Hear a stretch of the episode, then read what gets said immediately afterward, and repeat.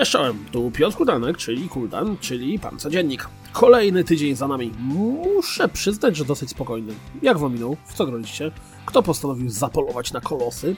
Ja nie mogę jeszcze mówić, jak podobało mi się to, co ostatnio skończyłem, ale zachęcam wszystkich do sprawdzenia demka Crossing Souls, które jest dostępne zarówno na Steamie, jak i na PSN. Tymczasem zobaczmy, co się działo w mijającym tygodniu.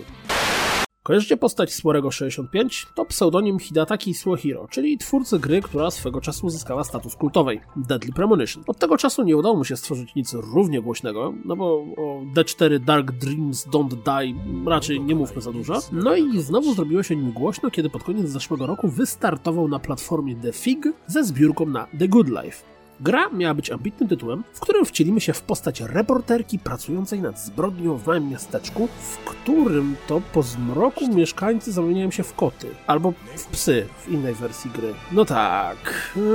Swery założył cel zbiórki w wysokości 1,5 miliona dolarów i po 40 dniach zabrał tylko, albo jaż patrząc na o co chodzi w grze, 700 tysięcy. Pogodzony z porażką obiecał, że nie podda się i wróci, kiedy będzie miał więcej do pokazania. No i tak też ma się stać. W tym tygodniu zapowiedział start zbiórki na Kickstarterze pod koniec marca. Trzymacie kciuki za ten projekt?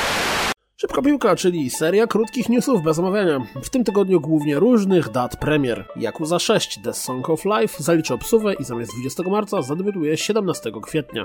W Surviving Mars zagramy 15 marca. Deadbolt na konsolach zadebiutuje 20 lutego. Bridge Constructor Portal będzie dostępny w ostatnim tygodniu lutego. W Vampira zagramy 5 czerwca. Zapowiedziano The Surge 2, premiera w przyszłym roku. Twórcy Stalkera zapowiedzieli swój nowy tytuł Fear the Wolves postapokaliptycznego Battle Royale. Pizza Connection 3 trafi do nas 22 marca. Dragos Crown Pro zadebiutuje 15 maja. Kaz Hirai ustępuje z miejsca CEO Sony. Jego stanowisko przejmie Kenichiro Yoshida.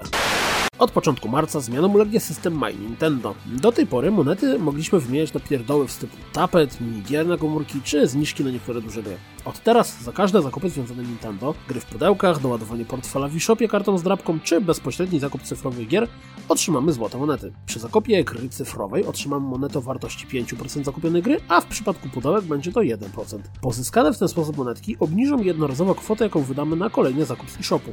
Kupiliśmy Zelda za 290 zł, no to kolejny zakup będzie kosztował nas 14,50 mniej. Proste? Bardzo proste. Jeżeli posiadamy już jakieś monetki na swoim koncie, to zaraz każda z nich zamieni się na 5 groszy upustu. Jak widzicie, mówiłem, że to był bardzo spokojny tydzień. Za to zapowiada się, że nadchodzący będzie jednym z bardziej gorących, zwłaszcza jeśli spojrzymy na ludowe premiery. Crossing Souls, Boy na konsolę, Kingdom Call Deliverance, a na koniec tygodnia Fe. Oj, będzie w co grać. Tymczasem ja się na dziś żegnam i mam nadzieję, do zobaczenia usłyszenia za tydzień. Trzymajcie się, cześć!